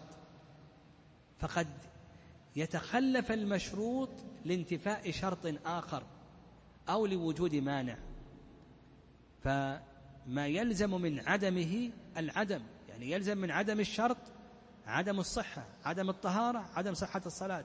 لكن لا يلزم من وجود الطهارة أن تصح الصلاة لأنه قد يتخلى تتخلف الصحة لتخلف شرط آخر كاستقبال القبلة قد تتخلف الصحة لوجود مانع كالحيض أو الحدث ونحو ذلك. نعم. قال المصنف حفظه الله المسألة الرابعة المانع. قال هو في اللغة بمعنى الحاجز أو الحائل. وفي الاصطلاح وصف يلزم من وجوده عدم متعلقه متعلقه ولا يلزم من عدمه وجوده ولا عدمه. مثاله الرق مانع من الإرث. يعني المانع يلزم من وجوده عدم المشروط. مثل الحيض مانع من صحة الصلاة. الحدث مانع من صحة الصلاة. اختلاف الدين مانع من التوارث. فإذا وجد المانع عدم ما علق عليه عدم الحكم ما يلزم من وجوده العدم. وجد الحيض يلزم من ذلك عدم الصلاة عدم ما علق عليه. يلزم من وجوده عدم ما علق عليه أو متعلقه. وجد الحيض يمنع ذلك من صحة الصلاة. وجد اختلاف الدين يمنع ذلك من التوارث. ولا يلزم من عدمه وجود ولا عدم لذاته. قد يعدم الرق مع ذلك لا يلزم لا يوجد التوارث. لا يلزم من عدمه وجود ولا عدم لذاته. قد يعدم الحيض ولا تصح الصلاة. لا تصح الصلاة لانتفاء شرط كستر العورة أو لا تصح الصلاة لوجود مانع آخر كدم النفاس أو الحدث أو الأكل ونحو ذلك. نعم. قال المصنف حفظه الله مثاله الرق مانع من الإرث فالرق وصف متعلق بشخص هو ابن للميت. مثلا فلولا هذا الوصف لورث من تركته وعدم الرق لا أثر له في وجود الإرث ولا عدمه. فقد يعدم الرق, فقد يعدم الرق ولكن يكون الشخص ليس من الوارثين أصلا أو محجوبا بوارث آخر كأن يكون الميت له ابن وابن ابن وكلاهما حر غير رقيق فابن الابن لا يرث مع أنه ليس برقيق لأنه محجوب بالابن نعم. قال المسألة الخامسة الصحة. الصحة في اللغة ضد المرض وفي الاصطلاح موافقة أمر الشارع بتوفر شروطه وأركانه وانتفاء موانعه. ويترتب على صحة العبادة براءة الذمة وسقوط المطالبة الصحيح الخلاصة الصحيح في العبادات والعقود ما توفرت شروطه وانتفت موانعه. هذا الصحيح. الصحيح في العقود والشروط ما توفرت شروطه وانتفت موانعه. ويترتب على الصحة في العبادات براءة الذمة وعدم المطالبة. يترتب على الصحة في باب العقود. يترتب على الصحة في باب العقود الملك في البيع الاستمتاع في النكاح الإذن في الوكالة الشركة في الشركة وهكذا. نعم.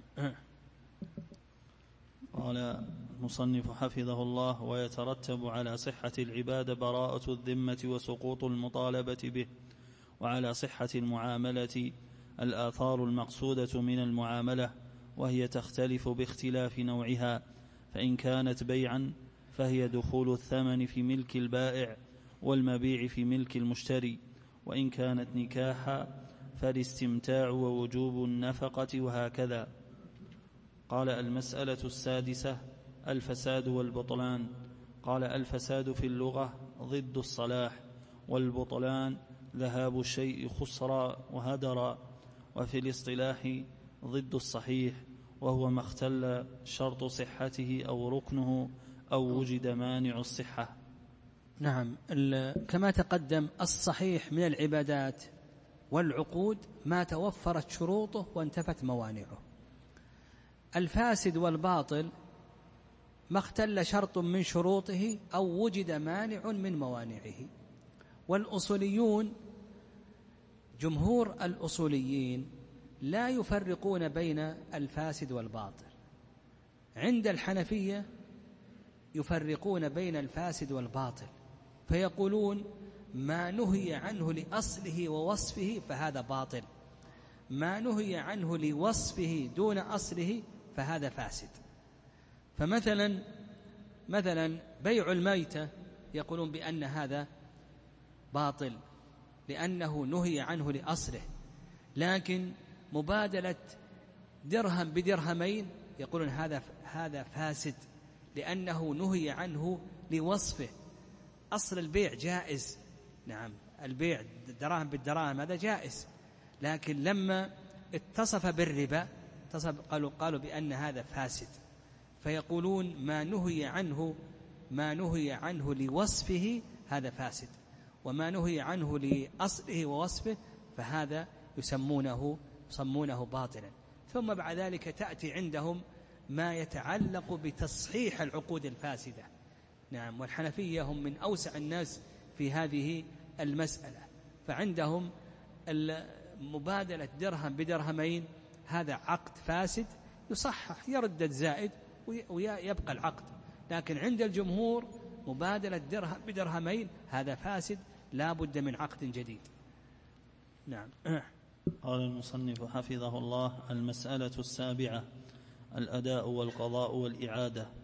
قال الأداء فعل العبادة في وقتها المعين والقضاء فعل العبادة المؤقتة بعد فوات وقتها كأداء صلاة الصبح بعد طلوع الشمس لعذر النوم. والإعادة فعل العبادة في وقتها بعد فعل مختل. يعني فعل العبادة الإعادة فعل العبادة في وقتها مرة أخرى. كما لو صلى وقد تخلف شرط أو وجد مانع إلى آخره فإنه يفعلها مرة أخرى إذا فعلها في وقتها مرة ثانية. هذه إعادة. نعم. قال المصنف حفظه الله المسألة الثامنة العزيمة والرخصة. قال العزيمة في اللغة القصد المؤكد. كما قال تعالى ولقد عهدنا إلى آدم من قبل فنسي ولم نجد له عزما. وفي الاصطلاح وصف للحكم الثابت ابتداء لا لأجل عذر. ويوصف به الواجب والمندوب والمكروه والحرام والمباح. ولا تطلق إلا في مقابل الرخصة والرخصة في اللغة التسهيل والتيسير وفي الاصطلاح وصف للحكم الثابت على خلاف دليل شرعي لعذر وقد تكون الرخصة واجبة كأكل الميتة للمضطر أو مندوبة كقصر المسافر الصلاة أو مباحة كالجمع بين الصلاتين ولا تكون الرخصة محرمة ولا مكروهة. نعم العزيمة العزيمة وصف للحكم الثابت ابتداء لا لأجل عذر. يعني الأحكام التكليفية هذه كلها من قبيل العزائم. فالواجبات عزائم المحرمات عزائم المكروهات عزائم المستحبات عزائم. فصلاة الجماعة هذه عزيمة. زكاة الفطر هذه نقول بأنها عزيمة. الزكاة الصلاة نقول بأنها عزيمة. ما يتعلق بالواجبات التي أنواع الأحكام التكليفية كما تقدم هذه كلها من قبيل العزيمة. الرخصة ما ثبت على خلاف دليل شرعي لعذر. يعني الرخصة ما ثبت على خلاف دليل شرعي لعذر. مثل أكل الميتة هذا نقول بأنه رخصة لأن العزيمة هو تحريم أكل الميتة. حرمة أكل الميتة عزيمة. لكن إذا اضطر إلى ذلك فإن أكلها رخصة. إتمام الصلاة عزيمة لكن إذا سافر فإن القصر القصر يكون رخصة. الجمع بين الصلاتين عدم الجمع عزيمة. لكن إذا سافر أو مرض أبيح له أن يجمع رخصة. فعدم الجمع يصلي كل صلاة في وقتها هذا عزيمة. كونه يجمع لعذر السفر أو عذر المرض ونحو ذلك من المشاق هذا نقول بأنه رخصة. قال المصنف حفظه الله المطلب الثالث التكليف. قال المسألة الأولى في تعريف التكليف.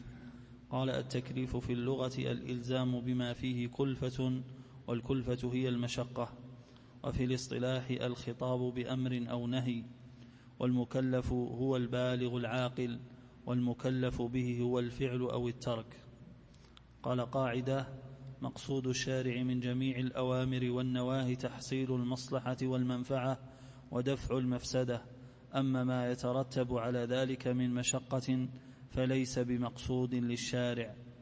قال قاعدة الأحكام الشرعية مبنية على التيسير ورفع الحرج.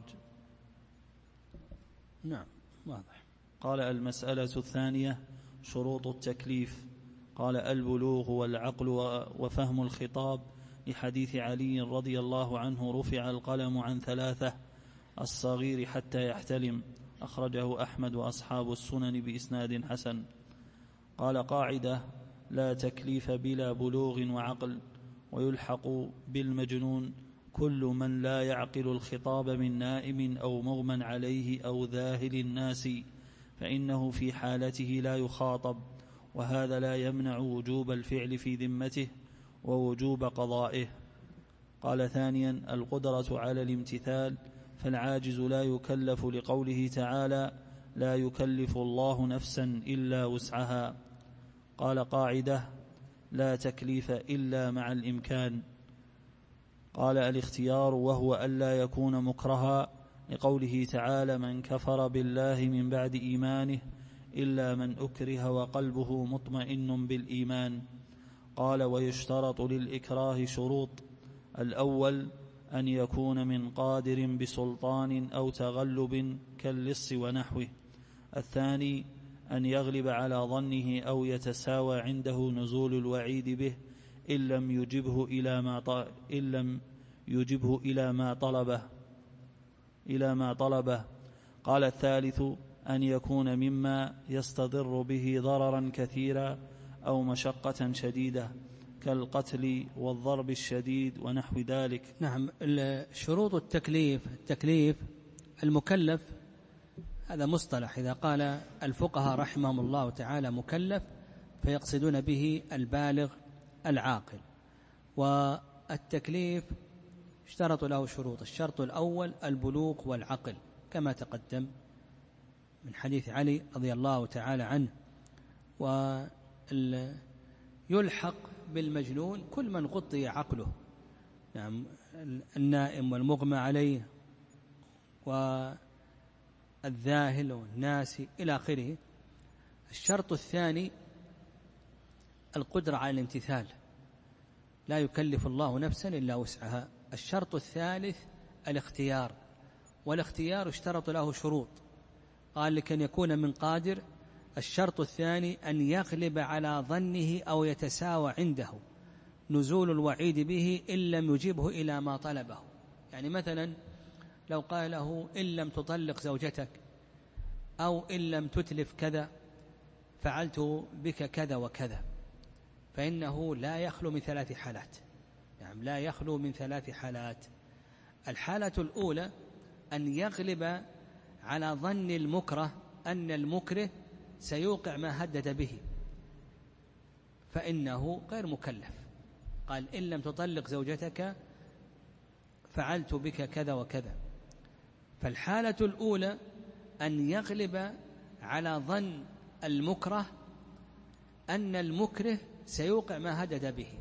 الحالة الثانية أن يتساوى عنده الأمران ففي هاتين الحالتين هنا غير مكلف. الحالة الثالثة أن يغلب على ظنه أنه لن يوقع ما هدد به فإنه في هذه الحالة يكون مكرها. وإذا فعل الإكراه المكره إذا فعل الإكراه فلا يخلو أيضا من ثلاث حالات. إذا فعل الإكراه أيضا لا يخلو من ثلاث حالات. الحالة الأولى أن يفعل المكره لرفع الإكراه فهذا غير مكلف. الحالة الثانية أن يفعل ما أكره عليه لا لرفع الإكراه وإنما يقصد هذا الفعل ارتفع الإكراه أو لم يرتفع فهذا مكلف. الحالة الثالثة أن يفعل ما أكره عليه دون أن يقصد رفع الإكراه أو مجرد الفعل لم يقصد شيئا من ذلك. فإنه أيضا في هذه الحالة نقول بأنه غير مكلف. فأصبح عندنا إذا فعل ما أكره عليه لا يخلو من ثلاث حالات. الحالة الأولى الحالة الأولى أن يفعله ليرفع الإكراه. الحالة الثانية أن يفعله لا ليرفع الإكراه وإنما لقصد الفعل ذاته. الحالة الثالثة لم يقصد الفعل ذاته ولم يقصد رفع الإكراه فإنه في آه، آه، في هذه الحالة يلحق بالحالة الأولى. نعم. قال المصنف حفظه الله المسألة الثالثة موانع التكليف. قال أهلية الوجوب. وصف شرعي يصير به الإنسان أهلا لما يجب له وعليه. قال أولا الصغر قاعدة الصغير غير مكلف والصبي لا يخلو من أمور. قال العبادات البدنية المحضة كالصلاة والمركبة من المال والبدن كالكفارات لا تجب عليه لكن تصح منه مع التمييز. قال ثانيا العبادات المالية المحضة كالزكاة والحقوق والحقوق المالية كقيم المتلفات وأروش الجنايات تجب في ماله لكن إذا بلغت الثلث تحملته العاقلة. قال وأما عقوده وفسوخه فلا تصح منه لكن التصرفات النافعة نفعا محضا لا ضرر فيها كقبول الهبة والصدقة أو الأمور اليسيرة تنفذ وتصح. وقيل تتوقف عقوده على إجازة الولي. ثالثا قال ما يتعلق بالجنايات والقصاص لا تجب عليه. بالنسبة للصبي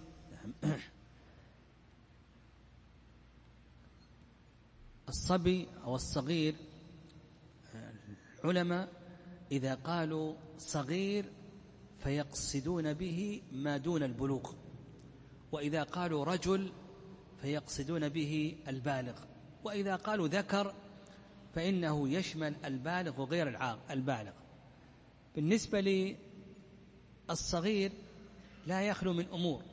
الأمر الأول ما يتعلق بالعبادات البدنية المحضة لا تجب عليه. العبادات البدنية المحضة كالصلاة الصيام الوضوء الغسل هذه لا تجب عليه. لكن تصح منه إن ميز. إذا ميز تصح منه وأجرها له. ولوليه أجر. يستثنى من ذلك الحج والعمرة. يصح حتى من غير المميز. ثانيا العبادات المركبة من المال والبدن كالحج والعمرة والكفارات لا تجب عليه.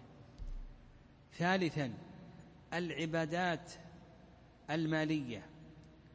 وكذلك أيضا الحقوق المالية. هذه لا تتعلق ببدنه مثل مثل الكبير تتعلق بماله هذه لا تتعلق ببدنه مثل مثل الكبير. فتجب عليه الزكوات تجب عليه قيم المتلفات إذا أتلف تجب في ماله تجب عليه أروش الجنايات إذا جنى. لكن إذا كانت إذا وصلت الجناية الثلث فإن العاقلة تتحملها عنه. رابعا ما يتعلق بعقوده وفسوخه. نقول لا تصح لا يصح بيعه لا يصح شراؤه لا تصح وكالته شركته إجارته لا تصح. طلاقه إلى آخره خلعه إلاؤه هذه كلها لا يصح. لكن استثنى العلماء رحمهم الله تعالى ثلاث مسائل. يعني استثنى العلماء ثلاث مسائل. المسألة الأولى ما يتعلق بالأمور اليسيرة كأن يبيع بالبقالة بالريال والريالين والعشرة إلى آخره فهذا يصح. الثاني إذا كان تصرفه مصلحة محضة كان تصرفه مصلحة محضة مثل إذا قبل الهدية قبل الهبة قبل الوقف وصى يعني وصى صبي وصى مثلا بمئة ألف أو إلى آخره هذا تصرف مصلحة محضة. يصح منه.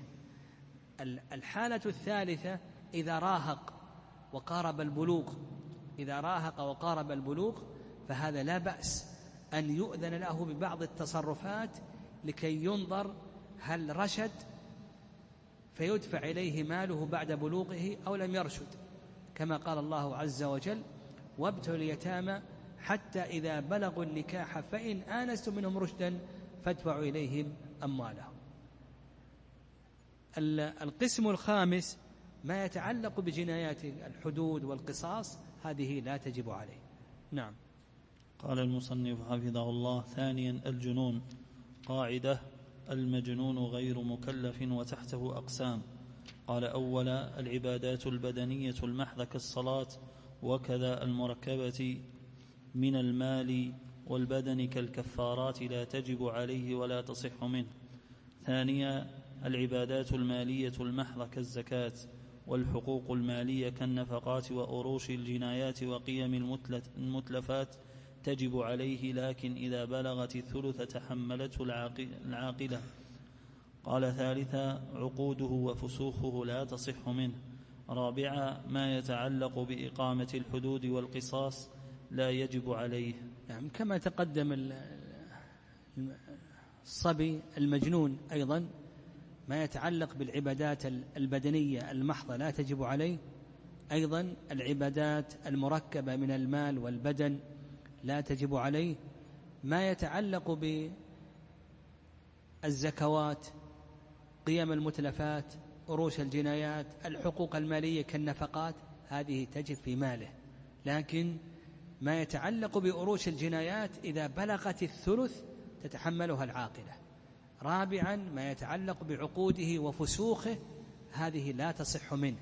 خامسا ما يتعلق بالحدود والقصاص هذه لا تجب عليه. نعم. قال المصنف حفظه الله ثالثا النسيان والخطأ.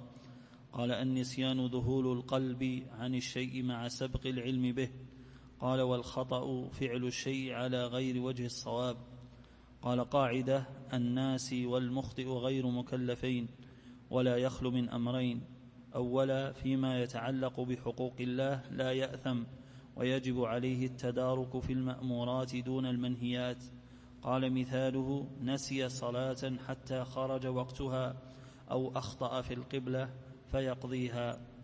قال وإن نسي إزالة الخبث أو أفطر في رمضان ناسيا أو مخطئا أو نسي المحرم فحلق رأسه ونحو ذلك فلا شيء عليه. يعني ما يتعلق بحقوق الله عز وجل من جهة الحكم التكليفي الناسي والمخطئ لا يأثم. ومن جهة الحكم الوضعي هل يضمن أو لا يضمن؟ ما كان من باب الأوامر يضمن لا بد أن يأتي به. ما كان من باب النواهي لا ضمان عليه.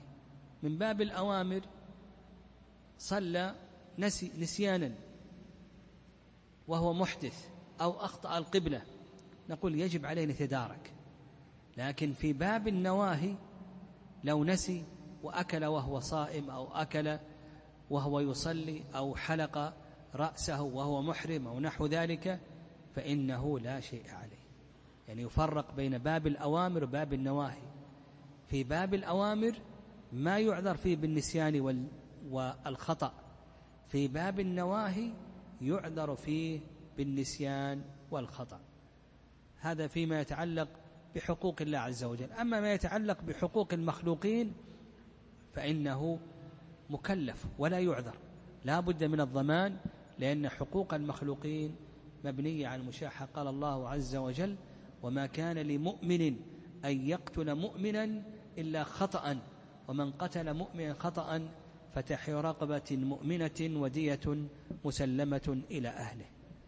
نعم. قال المصنف حفظه الله رابعا الجهل والمراد عدم العلم بالأحكام الشرعية وتحته أقسام قال أولا الجهل بما هو معلوم من الدين بالضرورة كالجهل بوجوب الصلاة وحرمة الزنا ونحو ذلك فهذا لا يعذر به أحد ممن عاش بين المسلمين لأنه ناشئ عن تقصير وتفريط قال ثانيا الجهل من حديث العهد بالإسلام أو عاش في البلاد الكافرة بما يعرفه, يعرفه عامة المسلمين يعد عذرا مسقطا للمؤاخذة وذلك كالجاهل بوجوب الغسل من الجنابة وتحريم الأخت من الرضاعة ونحو ذلك مما هو معلوم للمسلمين الذين يعيشون في البلاد الإسلامية. قال الله تعالى وما كنا معذبين حتى نبعث رسولا ثالثا الجهل في موضع الاشتباه كالجهل بحرمة بعض أنواع البيوع وبعض الأحوال العارضة للإنسان في طهارته أو صلاته أو في حجه ونحو ذلك فهذا النوع يسقط عن يسقط عن الجاهل التكليف في الأوامر والنواهي لكن إن فرط بأن قامت عنده شبهة وتمكن من التعلم لم لم يسقط التكليف يعني متى آه. يسقط التكليف عن الجاهل يسقط. متى نقول بأنه مفرط؟ بأنه غير مفرط. إن قامت عنده شبهة وتمكن من التعلم فهو مفرط. يعني قامت عنده شبهة أن المضمضة واجبة أو أن السجود على الأعضاء السبعة واجب. وتمكن من التعلم أن يسأل وأن يقرأ فهذا مفرط لا يعذر. أما إذا لم تقم عنده شبهة أو قامت عنده شبهة لكن لا يتمكن من التعلم فهذا يعذر بجهله. وشيخ الإسلام تيمية رحمه الله لا يفرق بين باب الأوامر وباب النواهي في العذر بالجهل خلافا لما عليه الفقهاء. المهم الضابط في ذلك إذا كان مفرطا. كيف يكون مفرط؟ يكون مفرط أن تقوم عنده شبهة ويتمكن من التعلم. فإذا قامت عنده شبهة وتمكن من التعلم فهذا نقول بأنه مفرط. أما إذا لم تقم عنده شبهة أو قامت عنده شبهة ولم يتمكن من التعلم فهذا غير مفرط يعذر. نعم. قال المصنف حفظه الله قاعدة الكفار مخاطبون إجماعا بالإيمان ومخاطبون بفروع الشريعة كالصلاة والزكاة ونحوهما. ويعاقبون على تركها لقوله تعالى ما سلككم في سقر قالوا لم نك من المصلين ولا يطالب بها حال كفره ولا تصح منه لقوله تعالى وقدمنا إلى ما عملوا من عمل فجعلناه هباء منثورا ولا يلزمه القضاء إذا أسلم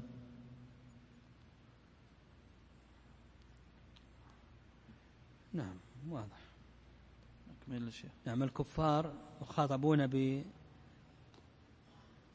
بالإيمان إجماعا أن هذه رسالة الرسل عليهم الصلاة والسلام ومخاطبون بفروع الشريعة كالصلاة والزكاة ونحوهما ويعاقبون على تركها لأن الله سبحانه وتعالى قال ما سلككم في سقر قالوا لم نكن من المصلين ولم نكن نطعم المسكين وكنا نخوض مع الخائضين حتى أتانا اليقين. فالله سبحانه وتعالى عاقبهم على ترك الصلاة وعدم إطعام المسكين أداء الزكاة. نعم. فدل ذلك على أنهم مخاطبون بهذه الفروع. نعم. قال خامسا النوم.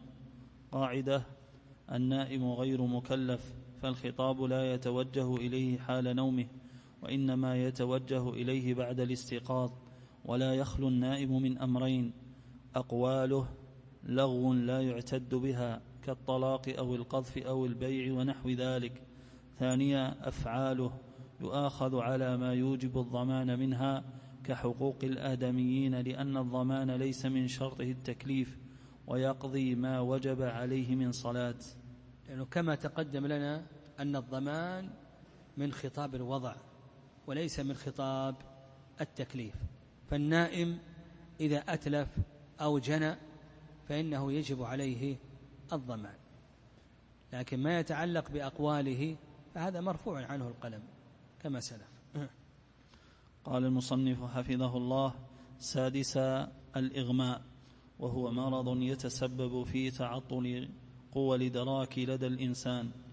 قال قاعدة المغمى عليه غير مكلف حال إغمائه وهو كالنائم في أقواله وأفعاله لكن يجب قضاء الصوم وقضاء الصلاة إن كان الإغماء باختياره. المغمى عليه يجب عليه قضاء الصيام باتفاق الأئمة. إذا أغمي عليه يجب عليه أن يقضي الصلاة باتفاق الأئمة. لكن بالنسبة للصلاة هل يجب على المغمى عليه أن يقضي الصلاة أو لا؟ هذا موضع خلاف كثير بين أهل العلم والأقرب في ذلك أنه إن أغمي عليه باختياره كما لو شرب دواء دواء أدى ذلك إلى تغطية عقله فإنه يقضي. أما إن أغمي عليه بغير اختياره فإنه لا قضاء عليه. نعم. قال المصنف حفظه الله قاعدة المغمى عليه غير مكلف حال إغمائه وهو كالنائم في أقواله وأفعاله لكن يجب قضاء الصوم وقضاء الصلاة إن كان الإغماء باختياره. قال سابعا السكر وهو تغطية العقل على وجه اللذة والطرب وهو مانع من التكليف وضابطه ألا يعلم ما يقول لقوله تعالى يا أيها الذين آمنوا. من هو السكران الذي لا يكلف؟ هذا موضع خلاف كثير بين العلماء وضابطه كما قال الله عز وجل حتى تعلموا ما تقولون. فالسكران الذي لا يعلم ما يقول هذا غير مكلف. لكن سيأتينا إن شاء الله ما يتعلق بالتفصيل بين أقواله وأفعاله. نعم. قال وضابطه ألا يعلم ما يقول لقوله تعالى يا أيها الذين آمنوا لا تقربوا الصلاة وأنتم سكارى حتى تعلموا ما تقولون وتحته أقسام. قال جميع أقواله من بيع وطلاق وغير ذلك غير معتبرة. قال ثانيا أفعاله أولا ما يتعلق بحقوق الله تسقط عن السكران كالقطع في السرقة والرجم بالزنا ونحو ذلك. قال ثانيا ما يتعلق بحقوق الآدميين من الإتلافات وأروش الجنايات فإنه يضمنها إلا إن أكره على شربها فالضمان على من أكرهه. ولا فرق على الصحيح فيما إذا كان سكره إذا كان معذورا بسكره أو كان غير معذور بسكره. إذا كان معذورا بسكره كما لو شرب مسكرا يظنه عصيرا. غير معذور بسكره إذا تعمد شرب المسكر. لا فرق. ما يتعلق بأقواله نقول بأنها غير معتبرة. ما يتعلق بأفعاله ما يتعلق بحقوق الله عز وجل أيضا فإنه غير مؤاخذ. كما لو سرق فإنه لا تقطع يده.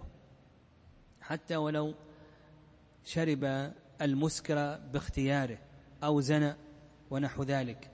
ما يتعلق بحقوق الآدميين فإنه يضمنها لما تقدم أن حقوق الآدميين مبنية على المشاحة. فلو سكر باختياره أو بغير اختياره فإنه يضمن حقوق الآدميين. لكن إذا أكره على شرب المسكر فالضمان على من أكرهه نعم. قال ثامنا الإكراه وهو حمل غيره على فعل لا يفعله لو خلي لو خلي ونفسه. وينقسم إلى قسمين الإكراه الملجئ وهو الذي لا يكون للمكره فيه قدرة على الامتناع ويكون كالآلة في يد المكره ومثلوه بما لو ألقاه من مكان مرتفع على صبي فمات. قال ثانيا غير الملجئ وهو الذي يتمكن من الفعل وعدمه كالتهديد بالقتل أو الضرب المؤلم أو السجن. قال المكره غير مكلف لأن الله تعالى لم يؤاخذ من نطق بكلمة الكفر مكرها وهو لا يخلو من أمرين. أولا الإكراه بحق على بيع ماله لوفاء الغرماء. أو على عتق عبده ونحو ذلك فهذا ينفذ ويصح. تقدم لنا ما يتعلق بشروط الإكراه. نعم تقدم ما يتعلق بشروط الإكراه. وذكرنا قاعدة أنه لا تكليف إلا مع الإمكان. ويشترط للإكراه أن يكون المكره قادرا على تنفيذ ما هدد به وكذلك أيضا أن يغلب على ظن المكره. أو يتساوى الأمران نزول الوعيد به يغلب على ظن المكره أو يتساوى الأمران نزول الوعيد به. والشرط الثالث أن يكون الإكراه مما يستضر به أو يلحقه مشقة شديدة. وال نعم هذه الشروط تقدمت لنا. نعم. قال نكمل الإكراه شيخنا.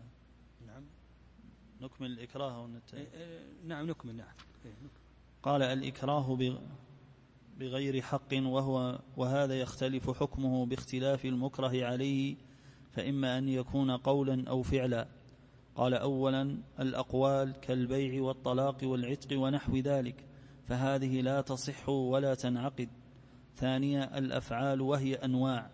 نعم الإكراه إما أن يكون بحق أو يكون بغير حق. فإن كان بحق فهو صحيح.